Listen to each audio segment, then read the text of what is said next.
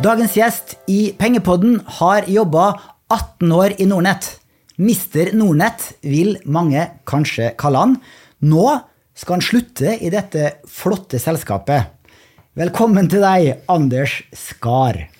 Tusen hjertelig takk, Bjørn Erik. Det er veldig hyggelig å få lov til å komme hit som en slags siste opptreden, en siste dans, for å dele noen refleksjoner og, og tanker, og, og, kanskje ikke minst også få uttrykke eh, tusen takk eh, for alle de her årene. Så, så, tusen takk for det. Det setter jeg stor pris på. Sant. For eh, det er jo en imponerende reise, det skal vi snakke om eh, nå. Men aller først, hvorfor slutter du? Nordnett har aldri gått bedre enn det gjør nå. Ja, nei, eh, det, jeg har ikke funnet noen ny. Eh, så at, eh, det er ingen ny relasjon på gang. Og som du er inne på, det, ting har egentlig aldri fungert bedre heller. Sjappa går kjempebra, det er masse flinke folk her. Relasjonen liksom Nordnett i en nordisk sammenheng kunne egentlig ikke vært bedre, og har aldri vært bedre. Så, så eh, det er et klassisk tilfelle av 'it's not you, it's me'. Eh, jeg må finne på noe nytt. Eh, men det er kanskje også noe av grunnen til at, at det føles naturlig nå, da, som du er inne på, at ting funker så bra. da, Fordi jeg ville nok hatt mye verre for å liksom forlate skuta hvis den var i ferd med å synke, eller forlate et, et hus som sto i brann. Så, så, men det funker utrolig bra. Mange flinke folk her, samtidig som det også er en det er en rolle som, som, krever ganske mye. Det, det, er liksom en rolle som krever 110 da, og jeg har lyst til å gi meg mens leken er god, og mens integriteten fortsatt i behold, eh, hvor jeg føler at jeg har stått og gitt 110% i jobben hele veien uh, også. Så at, uh, men det med blanda følelser, selvfølgelig, og en viss separasjonsangst etter, etter 18 år. For jeg kan virkelig vanskelig forestille meg en bedre arbeidsplass, bedre kolleger, et bedre purpose eh, og en mer meningsfylt jobb enn det jeg har hatt gleden av å ha de siste 18 årene. Men all good things must come to an end. Eh, og etter 18 år så, så er det kanskje sunt å åpne et nytt kapittel og prøve på noe nytt også. Ja. Og hva står det i det kapittelet? Hva skal du gjøre nå? Jeg har fått masse spørsmål om, om skal du begynne å trade aksjer nå. Nei, det skal jeg ikke. Det er jeg verken eh, smart nok til, eller har kognitiv kapasitet til, eller ikke minst disiplin til. Eh, og andre spør da skal blir du pensjonist nå, da. Nei, det skal jeg heller ikke bli. Eh, jeg tror Hvis du ikke har noe fornuftig å ta deg til på hverdagene, så, så går man fort på, på veggen. Men det er ikke 100% klart ennå. Det som er klart, er at jeg skal, jeg skal bli min egen sjef. Jeg skal, skal jobbe i mitt eget selskap. Har en ambisjon om å fylle Eh, det da med en eh, viss type oppdrag som kanskje et håndfullt eh, styreverv, kanskje drive noe konsulentrådgivningsvirksomhet, hvis det er noen som har behov for min erfaring og kompetanse. Så kommer jeg til å bruke litt tid på, på investeringer også, fortsatt på Nordnett-plattformen, men også kanskje se litt til, til det unoterte via noen venture startups, spesielt hvis de, de, riktige mulighetene dukker opp, så kan man være interessert i å, å investere noe der. Også hvis det finnes noe som, som, som jeg kan bidra til at kan bli bli en suksess. Da. Så, så det er vel liksom planen litt going forward. Helt mm. hva det blir rent konkret skal jeg jo jobbe litt med utover høsten for å prøve å lande. Eh, akkurat nå sitter jeg og også jobber litt med liksom min strategiske allokering. Hvordan skal porteføljen min se ut eh, litt? Sant, for du har fått litt penger å forvalte, Anders. Det er ikke noen hemmelighet, jeg vet du ikke liker det her, men det er ikke noen hemmelighet. Det sto i Finansavisen november 2020, da Nordnett skulle på børs, at du hadde aksjer til en verdi av 20 millioner kroner. Nå har aksjekursen gått opp i hvert fall 50% siden den gang, så det er i hvert fall 30 millioner der. Så eh, du har jo litt penger å forvalte òg. Eh, ja, det, og det er jo litt av grunnen til at man liksom er såpass privilegert at man får muligheten til å faktisk kunne uh, gjøre noe på egen hånd og satse på egen hånd, er jo for at man har det fuck you money for å, for å gjøre det litt. da. Uh, dog liksom, jeg tror, ja, jeg er ikke så glad i å snakke om størrelsesordener, men, men uansett om man har 500 000, 3 millioner eller 10 eller 20 millioner, liksom, så, så, så, så, er det mye penger for alle folk i sine faser. Så, det å ha et fornuftig tilnærming til til hvordan man skal plassere pengene, og jobbe både liksom strategisk og taktisk med allokeringa si, det, det, er nok eh, lurt uansett. For du er 47 år. Det blir ikke noe sånn uh, FIRE-bevegelse. Uh, financial independent er du jo, men retire Early har du altså ingen planer om? Nei, ingen, ingen retirement her. Eh, men jeg ser jo litt fram til å jobbe litt mer med, med, investeringer også. Eh, selv om jeg tror 90% av min portefølje vil bestå av indeksprodukter og også nå renteprodukter. fordi du får jo plutselig 5-6 eh, basically risikofritt i markedet. Istedenfor å jakte en yield i aksjemarkedet på kanskje en prosent eller to over, så kommer det mye til å være plassert der. Og så har jeg kommet til en portefølje som 10% av den kommer til å være mer krydder. og og, kanskje prøve å bygge en portefølje av både kvalitetsaksjer, men også hvor man prøver å finne litt uh, interessante vekstcase. Da. Og det ironiske tror jeg, er at når jeg kommer til å sitte med det her, at uh, eh, 10% av porteføljen kommer jeg til å bruke 90% av tida på, og sannsynligvis ha dårligst forutsetning for å slå markedet med. men det er jo morsomt, da, som vi har snakket om mange mange ganger.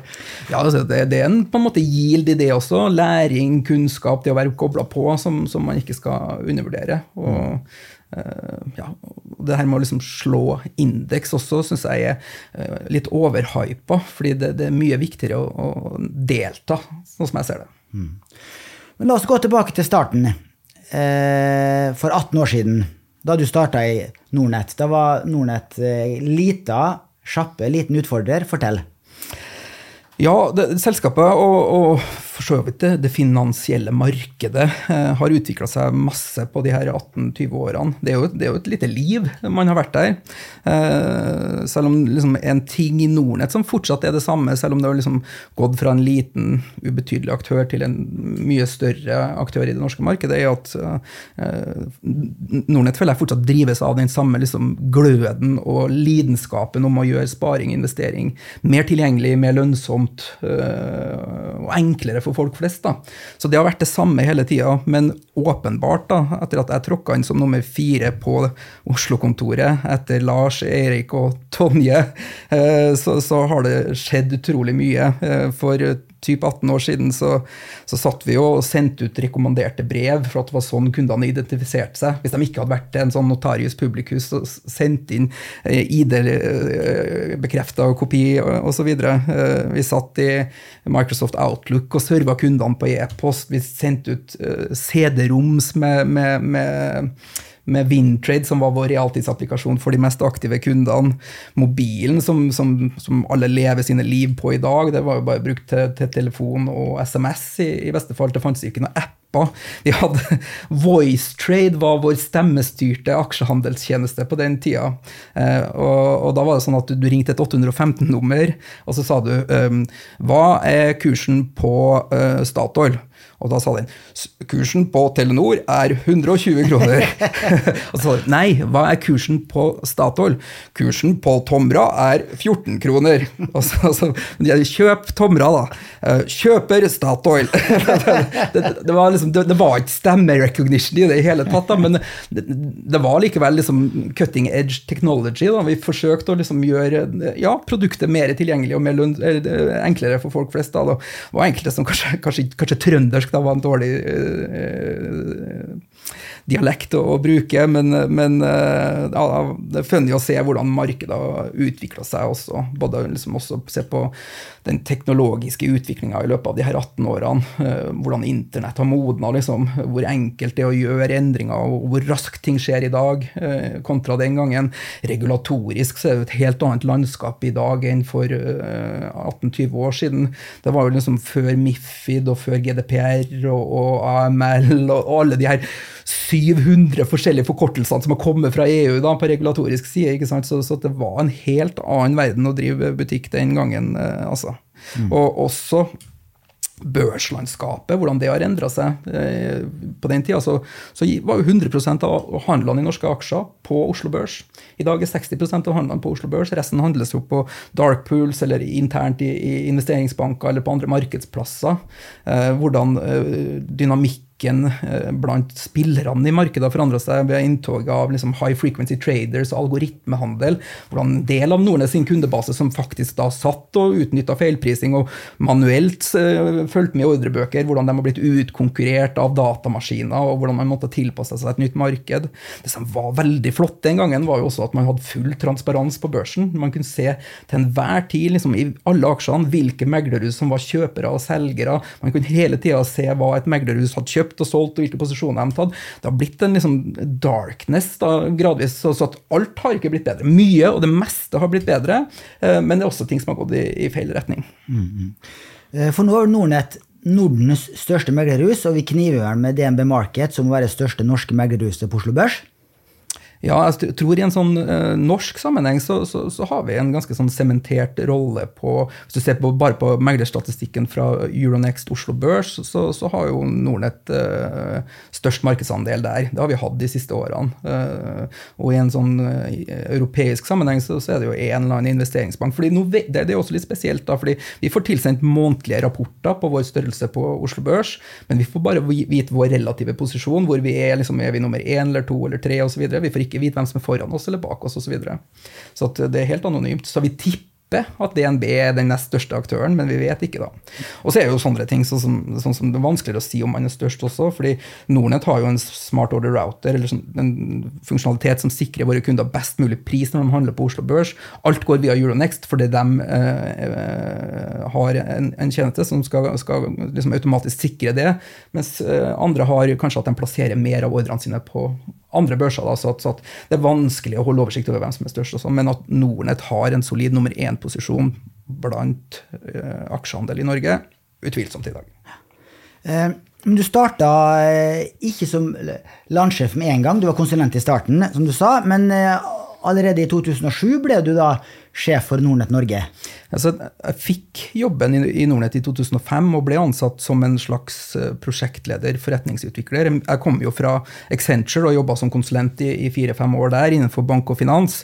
Og så, så var det han, han, som var med og starta opp Nordnett i Norge, Lars, da, som, som, tok kontakt i forbindelse med at de kjøpte opp Stocknet i 2004. Og så ringte han og sa at, og vi hadde studert på Handelshøyskolen sammen. Så ringte han og sa at du, nå har vi kjøpt Stocknet, jeg vil ha behov for noe prosjekt, eh, forretningsutviklerkompetanse. Kunne tenkt jeg begynte å jobbe hos oss.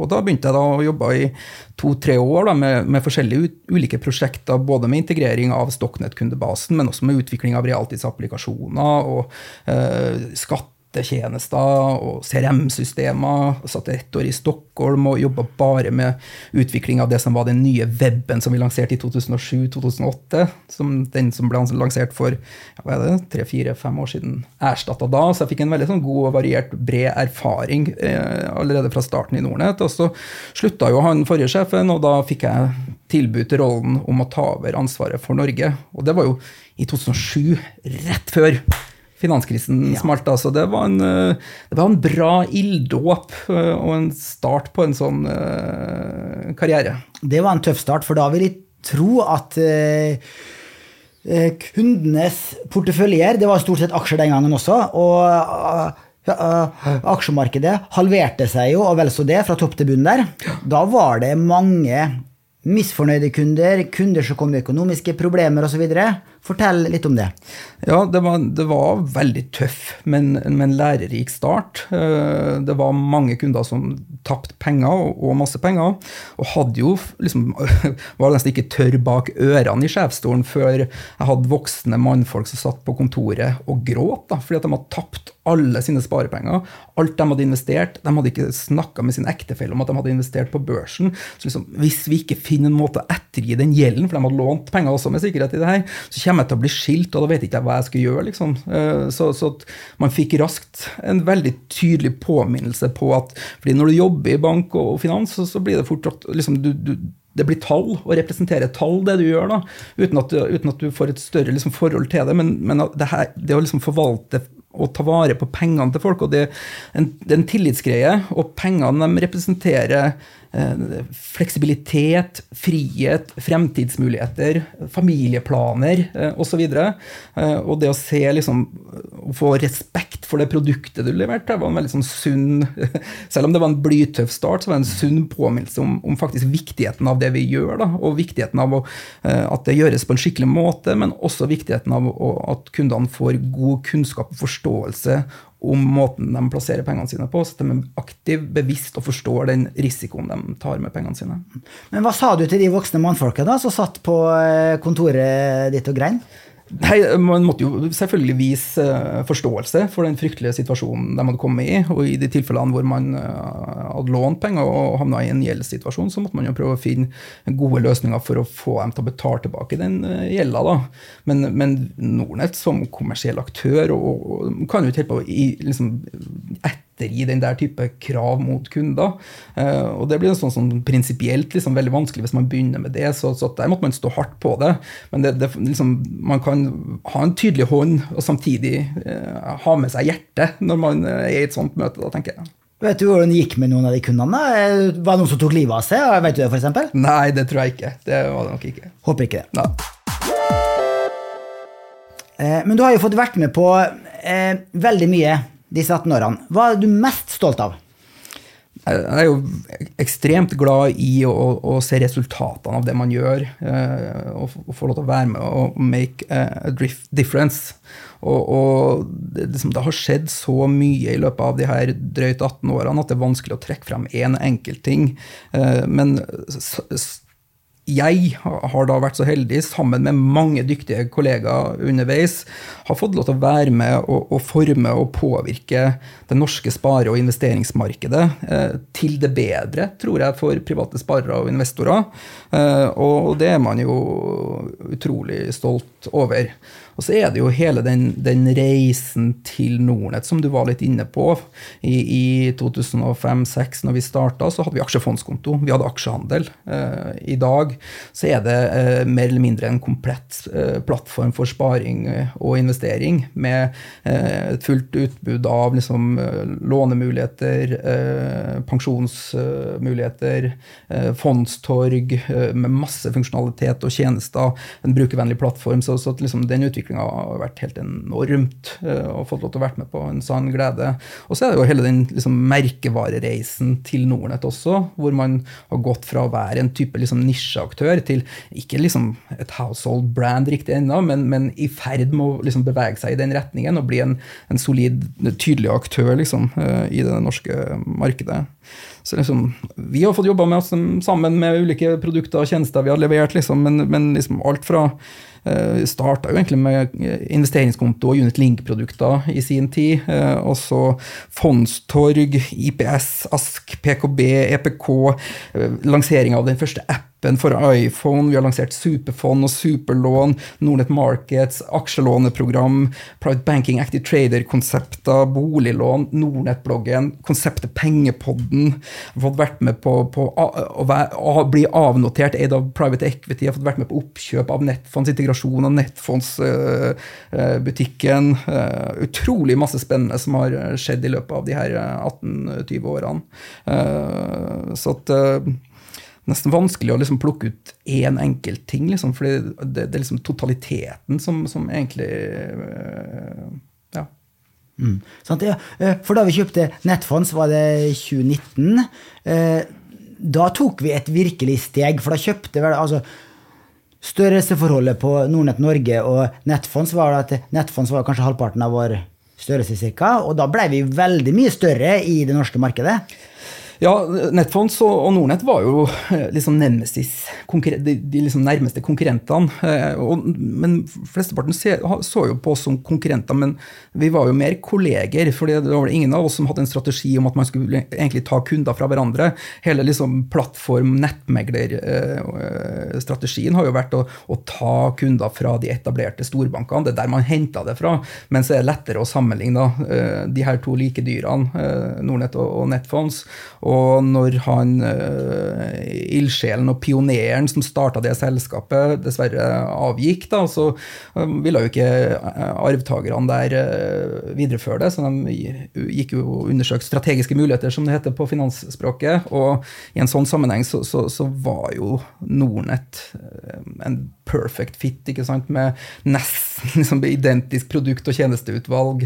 Eh, kundegrunnlaget mer eller mindre det samme, prisene var nesten det samme. Så, så liksom, det, det, ble som hånd i hanske. Da, Så det er vanskelig å se for seg hvem andre som kunne ha oppnå større synergier og fordeler ved å, ved å kjøpe det. Og så var jo de kjempegode på, på verdipapirbelåning, og, og, spesielt de bitene der som Nordnett ikke hadde fått til helt. Så, så, det var en viktig grunn også å prøve å ta vare på det når man tok over det. Så prøvde å liksom, ja, så man skulle migrere migrere kundene over på en god måte, samtidig som man forsøkte også å ta deler av produkt- og tjenestetilbudet hvor Nettfonds åpenbart var flinkere enn Nordnett, for å legge det på Nordnett-plattformen. Så, så åpenbare synergier der. Men jeg tror egentlig den største verdien i retrospekt er hvordan det sementerte Nordnett sin rolle som en nummer én-aktør i det norske markedet. Eh, hvordan man virkelig da, når eh, den her flodbølgen av interesse for sparing og investering, aksjer og aksjefond, tok av allerede i 2019 og liksom eskalerte gjennom covid, så, så, var det bare Nordnett som var alternativet til de etablerte storbankene. Og, og sant, enorm kundetilstrømning. Da, så verdien av å liksom være en tydelig nummer én i den perioden tror jeg overgikk egentlig de synergiene og gevinstene man fikk via oppkjøpet. Eh, så det har vært en ekstremt vellykka. Og Nordnett har hatt flere vellykka, både med Stocknet i 2004 og Nettfonds integrasjon av kundebaser. Vi har tilsvarende erfaring med, fra andre eh, nordiske initiativ også. Veldig god på der. Ta imot kundestokker og, og oppnå stordriftsfordeler og synergier på det. Helt enig. Der er Nordnett kjempeflinke. Det er også å benytte muligheten, være rask til å gjøre gode oppkjøp. Eh, der er Nordnett særklasse, vil jeg si. Det er veldig gøy å se at vi er så frem i skoen akkurat der. Ehm, vi må også snakke litt om pengepodden, Anders. fordi at eh, du var jo veldig delaktig i flere år. Eh, den starta opp i 2015, hvis du husker riktig. Fortell litt om starten og utviklinga der. Ja, der var vi veldig tidlig ute, da. Vi skal sies at vi var inspirert av Sparpodden, da, vår søsterpod i Sverige. To gode eh, Nordnett-kolleger på den tid i Nordnett Sverige som, som starta opp den, og det ble en veldig stor suksess. Så vi ble veldig inspirert da, for å se om vi kunne gjøre noe tilsvarende i det norske markedet. Eh, og det som Det var jo helt nytt. Det var ingen kommersielle aktører som hadde etablert podkast som en arena en kommunikasjonskanal. Det, det var liksom Radioresepsjonen etablerte liksom radiokanaler som bare la ut episoder som har gått på radio på podkastmediumet. Så vi var veldig tidlig ute i 2015 med å etablere det. Eh, og eh, det ble jo eh, en suksess, og det er ganske smått utrolig at her sitter vi da åtte år etterpå. Og jeg tror det er noe av suksessen i, i Pengepodden også, at, at på de åtte årene så har det blitt lagt ut en ny episode hver eneste torsdag. Uavhengig om torsdagen er 17. mai, eller om det er julaften eller nyttårsaften. Det er konsistensen knyttet til det. Og så gjorde vi noe, noe litt lurt i starten. var at, at, at vi tenkte at det her må være av og for kundene. Eh, eh, så, så vi bestemte oss for å gjøre ti episoder, og hvis vi fikk over x tusen lyttere, så skulle vi fortsette. Og det var vi tydelige med da når vi, når vi satte i gang også. Eh, så vi håpte jo på at det skulle bli en sånn de som likte det, skulle snakke om det. I tillegg så, så, så, så fikk vi den, veldig den tette koblingen med at vi ønska at kundene skulle være med og, og, og sette agendaen og bestemme temaene. Fordi det er jo en slags fordel, da, fordi du prøver hele tida liksom å finne kundebehov og dekke kundebehov, og istedenfor å sitte og gjette liksom, hva er kundene ønsker å høre om, så, så engager vi på sosiale medier da, ved å få dem til å fortelle fortelle hva de ville at vi skulle snakke om, som gjorde at du fikk en sånn slags uh, synergieffekt og en, positiv spiral på det. Uh, så uh, det her med konsistens, det å liksom forsøke å, å være tett på kundene og, og, hva de vil høre, og i tillegg liksom med en tydelig ønskestrategi om at, at når man sitter og hører på pengepoden, og når man legger på røret etter om det var 30 minutter eller 60 minutter, så skal man være litt klokere i litt bedre eh, stand og ha litt bedre forutsetninger når man skal plassere pengene sine etterpå, var målsettingen. Så, så liksom, Konseptet med å liksom formidle kunnskap er jo helt fantastisk her, uh, i et sånt format som det der. Så at, uh, det var en, var en, stor suksess. Selv om episode én var ingen suksess i det hele tatt. da, for det var jeg og Karl Oskar da, som kjørte inn første episoden. Uh, det er jo alltid litt sånn nerver første gang man gjør en podkast og man sitter der liksom sånn Å, det, det her blir rart, osv. Så, videre. så Så vi, vi satte oss i studio og manna oss opp. og fighta oss gjennom den første episoden og kleska high five etterpå. Liksom, ja, men det her fikk vi til! Og så skulle vi høre på episoden, og så faen! Det var ingen som hadde satt på record. så, så, så at, det, det, var ingen stor suksess akkurat den første episoden. Men egentlig så var det et slags hell i uhell, fordi det ble en slags generalprøve. Så vi fikk liksom egentlig varma opp og, og, og ja, jeg vet ikke om første episode nødvendigvis går, går liksom inn på podtoppen sånn kvalitetsmessig, for det, liksom, det, handler litt om å finne formatet og finne stemmen sin osv. Men andre episode, når vi faktisk trykte på record, ble faktisk vesentlig bedre. Så, så det ble faktisk en litt, litt, bedre episode av det til slutt. Da. Så bra. Og nå er vi jo rundt med 15 000 ukentlige lyttere i snitt. Eh, så ligger vi jo i eh, toppen eh, blant norske økonomi- og finanspodkaster, så det, der har vi virkelig eh, eh, viste muskler. Nei, men Pengepodden har vært en kilde til, til glede og, og, og, og, inspirasjon også. For jeg har fått så utrolig mye positive tilbakemeldinger fra kunder og, lyttere. Og, har jo fått laga min fjerde andel av uh, Pengepodden-episoder, jeg også. Det ble vel et par hundre stykker til slutt, tenker jeg. Sant. Um, og uh, 18 år, det er lang tid. Du har fortalt litt om det, noen kjipe opplevelser, men eh, du har noen flere historier også eh, på, på den negative siden. Fortell om det òg. Ja, det, det, det, er jo ups and downs eh, i livet, eh, i, i parforhold og i aksjemarkedet. Så, så, alt har ikke bare gått på skinner. Vi har gjort uh, vår fjerde andel med, med, feil, og ikke alt har vært like gøy, da, selv om uh, i det store så, så, er det nesten utelukkende bare positive minner. Men vi, vi, har jo gjort feil, selvfølgelig. I, i 2013 så, så, kanskje var liksom noe av det jeg svetta mest over, var når vi første året vi skulle rapportere fond uh, til skatteetaten på egen hånd. fordi tidligere så, så, lot vi VPS gjøre det for oss, men vi klarte ikke å få den på desimalene våre, så vi rapporterte eh, jeg tror det var en seks til ni nuller for mye i gevinster. Så, så istedenfor at en kunde fikk eh, 1000 eh, kroner i gevinst på, på, en fondshandel, så fikk han en milliard. ikke sant? Og da var det 28% skatt på, på, på det. Også. Så fikk du 280 millioner i baksmell. da, du tenkte Når du åpner skattemeldinga di og håper at du skal få igjen penger. Så, så at, eh, nei, det, det, var jo selvfølgelig kjedelig. og Da, da var det 2500 kunder som fikk så grove feil. da, Så, så vi, vi, måtte jo gå ut proaktivt og fikk jo helside i, i, Dagens Næringsliv. liksom, for Bare liksom beklaga, her har det skjedd feil, forklart hvorfor osv. Vi satt jo da i basically liksom dag og natt da, i flere uker liksom, og, og, og regna gjennom hver enkelt av de 2500 kundene og sendte ut brev til dem med riktige opplysninger uh, og, og patcha opp det. Så, så at, uh, nei, det var eksempel, en morsom historie i, etterkant, men, men, det har jo vært sånne type ting. Uh, og, men overall så, så, har vi jo vært en good guy. Vi har vært veldig på kunstlag, så det har vært veldig mye positive tilbakemeldinger og, og, og en stor heiagjeng, egentlig. Eh, men så, så liksom har det jo vært i tilfeller av også, og det må man si liksom var uvant når man innførte plattformsavgiften for fond i sin tid, og også når man tok over eh, nettfondskundene, liksom, hvor man står i en skittstorm av negative tilbakemeldinger på blogg og i sosiale medier. Det er jo kjempegøy, men det er utrolig lærerikt og utrolig verdifullt å stå i den stormen. Da. Eh, og, og det å svare på, på på kundene osv. Og, eh, og, og engasjere seg også i det dårlige. fordi det er liksom flipsiden of the coin. da, Når vi har en såpass åpen og transparent profil, at vi er der ute og kommenterer alt som er bra, da må du også være der når ikke ting er så bra. da. Eh, og det er jo ting som liksom har vært kjedelige, men som også har vært eh, nyttige da, å få med seg. Eh, noen lyttere vil kanskje huske din og Karl Oskar sin opptreden i NRK Folkeopplysninga i 2016. For den husker jeg, og den har jeg sett. Den ja. ligger ute, i hvert fall klipp ligger ute. Ja. Der du og Karl Oskar konkurrerte mot ei ku som dreit på et jorde på forskjellige skilt hvor det sto eh, navnet på en aksje, og en spåmann og rosabloggerne Sofie Elise og eh, Erlend Elias.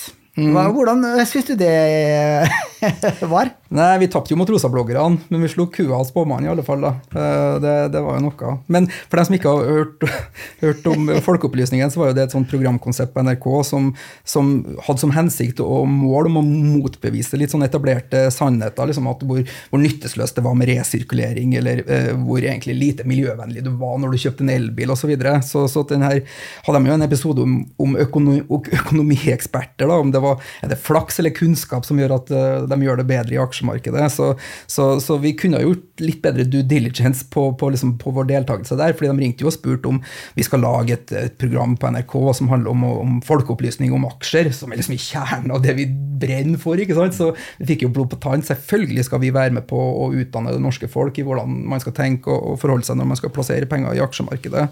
Så, at, men hele programkonseptet handla jo om egentlig at vi skulle mislykkes. Så det kom jo som en liten overraskelse når vi fikk komme inn i studio siste dag. og Kua var ikke i studio, da, men uh, Sofie Elise og Erlend Elias og han kinesiske spåmannen var der. da. Så, så ja. Nei, det var Det, var, det, det, følte seg litt lurt, men uh, i, i, ettertid liksom, så, så ja, har det jo også bare vært gøy, det. Og det var jo jeg tror det var tre måneders tidsperspektiv på de investeringene vi gjorde da. Eh, vi, vi, vi hadde jo langt mindre volatilitet da enn Erlend Elias og Sofie Elise, så vi trøsta oss med det. Eh, men jeg håper jo at hvis f.eks det har vært snakk om å prøve å, å, få avkastning på pengene sine i aksjemarkedet over en tre- eller femårsperiode, så håper jeg at vi kanskje hadde slått dem nå. Men det er jo liksom sånn, når du, hvis du skal ha én dags tidsperspektiv på dine aksjeinvesteringer, så er liksom én dag da er 50-50% sannsynlighet om du, om du liksom tjener eller taper penger. Eh, hvis du går til ti år, så er det liksom 95% sannsynlighet at, at du tjener penger. ikke sant? Så det var altfor kort tidsperspektiv. Men det ble bra underholdning av det, og, og, og det var bare gøy. liksom. Så hvis man virkelig skal peke på noe trist som man har vært med på, så er det de kjedeligste kundehistoriene hvor kunder virkelig har mislyktes på, på plattformen vår. Mm. Og tapt uh, store penger, som du var inne på. Um, men vi har jo en hel del kunder som har blitt rike på plattformen vår òg. Jeg har jo hørt eh, fra kundesenter at det er jo eh, personer som har sittet med Tesla-aksjer. Det, det, er jo den aksjen som våre kunder har plassert mest penger i, det er jo eh, to-tre milliarder, det er flere milliarder kroner i bare Tesla-aksjen.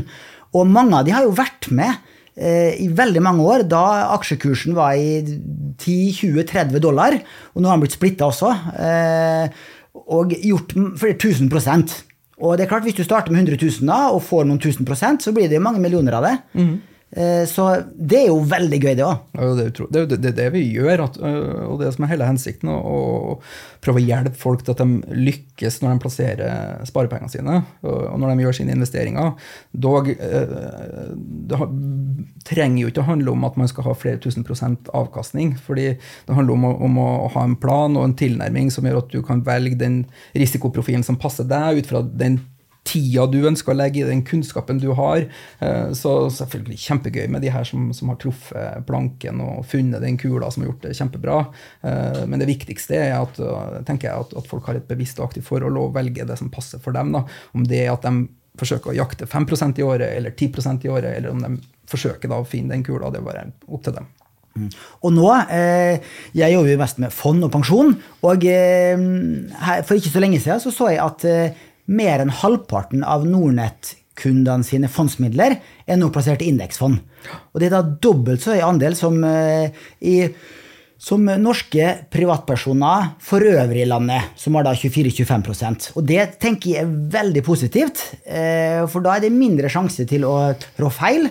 Vi ser også at indeksfondkundene eh, eier fondet lenger enn de som sitter i aktive fond, der er det mer kjøp og salg, og da enda større sannsynlighet for å trå feil når det gjelder timing. Mm. Er du ikke enig at det er veldig positivt? Veldig positivt. Og jeg tror det gjenspeiler at, at eh, vi har en veldig aktiv og bevisst og kunnskapsrik kundestokk som forstår dynamikken i markedet, og som skjønner at det kan være vanskelig å slå indeks over tid, og som er bevisst kostnadene, som gjør at du får en uh, høyere andel der. Og vi har hele tida sett at, at Nordnett, og, og, når du er en selvbetjent plattform, så, så, så, så har du aktive og bevisste kunder som i større grad velger kostnadsattraktive produkter og tjenester. Det, det, er lettere for, via et rådgivningsapparat å selge dyre, dårlige produkter enn det å selge eh, det digitalt. Mm. Det er veldig positivt. Hva tenker du om Nordnetts reise videre? Vi har 1,8 millioner kunder i Norden, knappe 400 000 i Norge. Eh, kan vi vokse så mye mer? Å ja, ja, ja.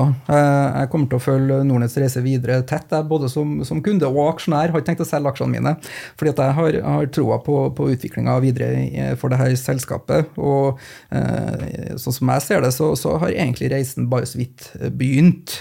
Eh, det store potensialet er fortsatt ikke tatt ut. Eh, og eh, vi har vært litt inne på det, liksom, at, at Nordnett har en ekstremt solid posisjon innenfor børs og aksjer, og vi må jobbe knallhardt for å beholde den og videreutvikle den. Men, men sant, hvis vi ser på Aksje Norge slash VPS-statistikk, så, så, er jo eh, over en tredjedel av privatkundene som eier enkeltaksjer, de er Nordnett-kunder i dag. Og ser vi på hvor mange privatkunder som tilkom til aksjemarkedet i fjor, så var to av tre kom til Nordnett. Så, så der fortsetter vi liksom å vokse og befeste vår posisjon. Men ser man til fond og pensjon, så er vi fortsatt en liten miniputt da, innenfor det. Eh, vi er i ferd med å liksom få en tydeligere pensjon, eh, posisjon innenfor fri fondssparing, men på pensjonssida, sånn, ta antall eh, egen pensjonskontoer som finnes der ute, det er ja, 1,8 2 millioner nordmenn som har egen pensjonskonto. 14 000-15 000 er det hos Nordnett. liksom. Så der er det jo enormt eh, potensial. Og eh, jeg tror liksom det vi kan liksom forklare liksom for sin reise Vi har tatt den første delen av reisen, den mest krevende reisen. Det vil Si vi, vi har liksom fått tak i de kundene som, som har interesse, og som har kunnskap.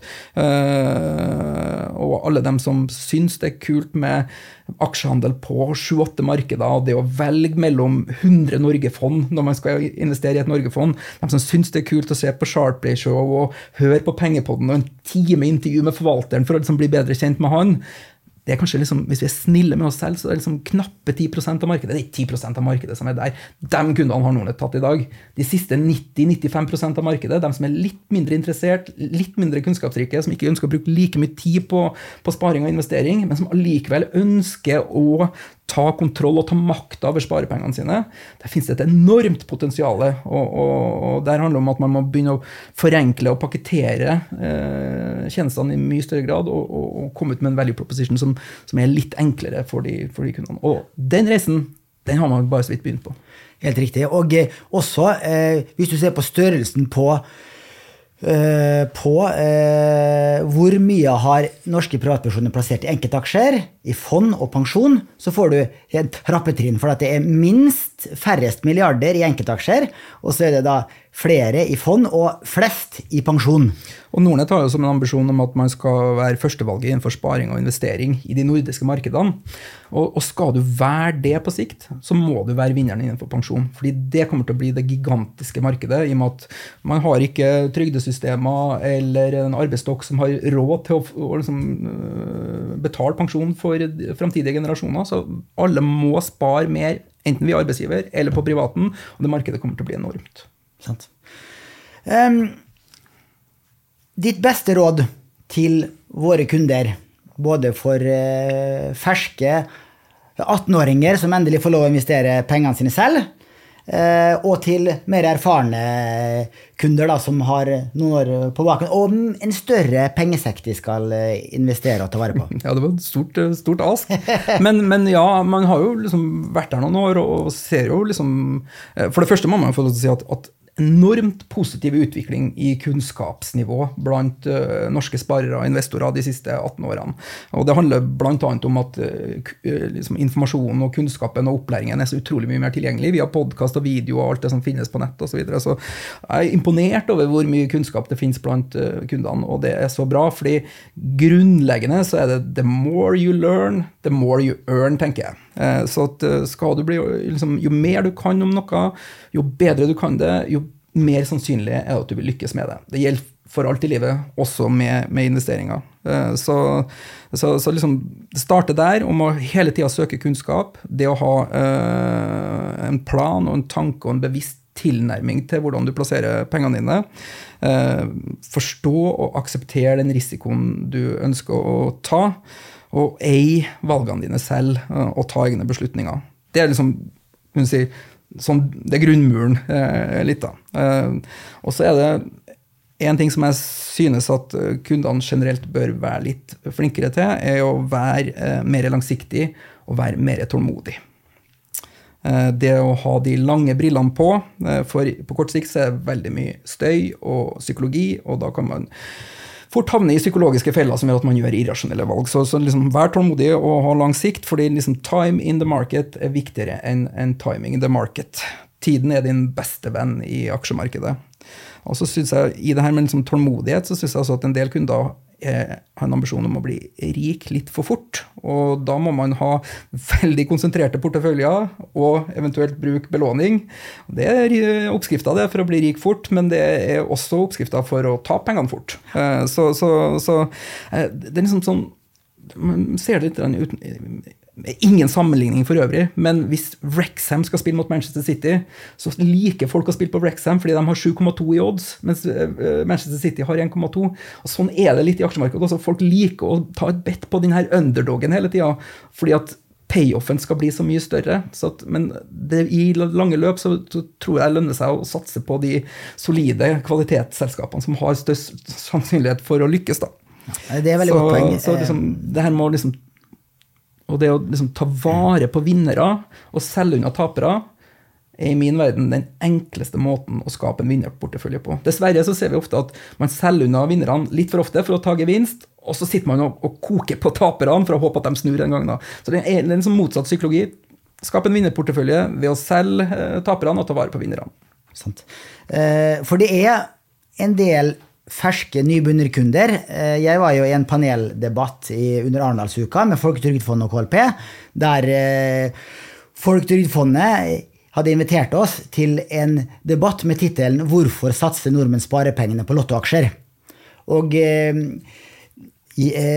der måtte jeg jo si som sant er, at det er en del av våre unge ferske kunder som nettopp uh, går i den lottoaksjefella og kjøper disse doblingskandidatene, disse som kanskje har flere, uh, Som ligger høyest opp på avkastningstoppen, rangert etter siste tre måneder, siste tolv måneder, eller ligger helt nederst. Ja, jeg synes I langt større grad så burde folk hatt en, litt sånn motsatt tilnærming til det, dem som begynner også, og prøve å bygge en, en kjerne, eh, altså typisk kjernesatellittstrategi.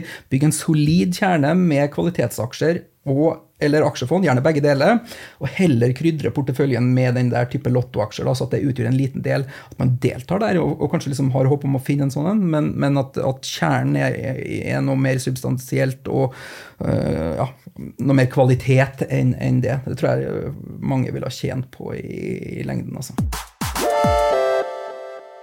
Hvordan vil du plassere pengene dine selv, da?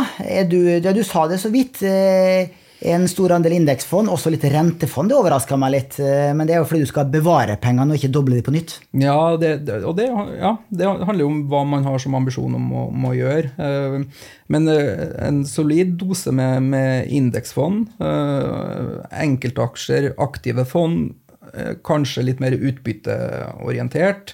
Eh, og så er jo renta særdeles attraktivt i, i, dag, og spesielt siden risikopremien mot uh, aksjemarkedets avkastning er så utrolig liten i forhold, så, så, er det veldig fristende å putte en del av pengene i det. da. Mm. Uh, I en uh, satellitt så, så, så, er det jo å fortsatt plukke litt kvalitetsaksjer, men der kan man jo også prøve å lukte etter den ene kula osv. Så, videre. så man er hele tida bevisst i forhold til hvor mye av kapitalen man setter til risiko. litt. Det, så, så, så prøv å også ha en øh, ja, det, det, tror du har sagt det mange ganger før. Liksom, at det, liksom, diversifisering er jo den eneste gratis lunsjen du får. Øh, men det er jo spesielt viktig også å diversifisere hvis du Jo mindre kunnskap du har, jo, jo viktigere blir diversifisering. fordi jo da større sannsynligheten er for at du tar feil med, med noen av dine øh, posisjoner, tenker jeg. Mm. Da skal vi runde av snart, men vil du si noen avsluttende ord? Har du noe spesielt du vil takke? Ikke nødvendigvis meg, men kanskje andre? Nei, jo, det, det, er virkelig det er mange jeg har lyst til å takke. Og, og selvfølgelig eh, alle de, de, kollegaene man har hatt eh, på reisen her i løpet av de siste 18 årene. Jeg har alltid sagt det at, at jeg tror jeg kommer til å holde ut lengre på en arbeidsplass hvor jeg har uh, gode kolleger, hvor jeg trives sammen med kolleger, hvor det er en bra kultur, heller enn hvis jeg har spennende og interessante arbeidsoppgaver. I Nordnett har jeg jo vært så heldig å ha uh, begge deler. Men i tillegg til det, som en slags prikk over i-en, så har man vært så ekstremt heldig med å ha så aktive og engasjerte kunder, som har virkelig vært interessert i produktet ditt, da, eh, som vil engasjere seg i dialogen, som vil gi sin innsikt og dele sin kunnskap. Ta Shareville, f.eks., hvor mange kunder er. Ta alle de som er på, på, på Twitter, f.eks. Helt fantastisk å ha en så tett dialog og, og være så nære pulsen til kundene, og hvor de er så, så engasjerte. Så, så, alle kolleger og alle liksom, uh, kunder en stor, stor takk for at dere har vært med og bidratt til å gjøre de her 18 årene så spennende og så interessante for, for, for meg. Eh, og så er det jo selvfølgelig til, til liksom alle samarbeidspartnere, konkurrenter, bransjekolleger, også alle som har møtt på sin vei. Uh, alle sammen har bidratt til liksom, min personlige utvikling, til at jeg har hatt det gøy og interessant på jobben. Så at man blir nesten litt sånn rørt og, og sitter her og angrer seg når man liksom tenker tilbake i bakspeilet her. Sant? skulle nesten ha vist den videoen, for vi hadde jo for halvannen uke siden så hadde vi jo en nordisk samling i Stockholm med 650 eh, Nordnett-kolleger. Og der var du så sporty, Anders, at du gikk på scenen i uh, haljetjakke og sang 'La det svinge' med Bobby Socks.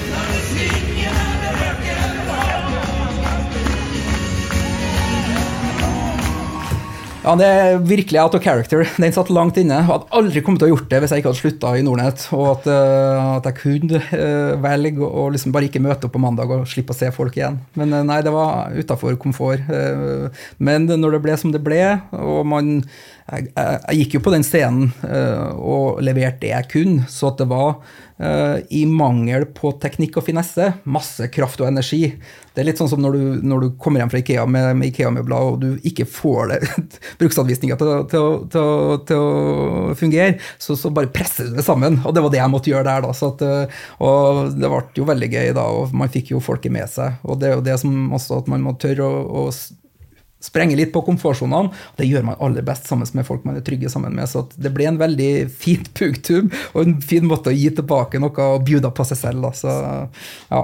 Du får ti av ti på innsats. Eh, på sangstemme så skal ikke gi noen karakter. Nei, Nei, men det var, det var, det jeg hadde å bidra med. Da, innsats. Det, ja, takk for det. Sant. Eh, så på vegne av eh, mange kolleger, på alle kolleger i Nordnett, må vi bare si og på vegne av våre 400 000 kunder i Norge må vi bare si tusen takk for strålende innsats gjennom 18 år i Nordnett, og masse, masse lykke til videre. Tusen hjertelig takk, og jeg føler at det, det er like mye jeg som må si takk for de 18 årene. Så tusen hjertelig takk.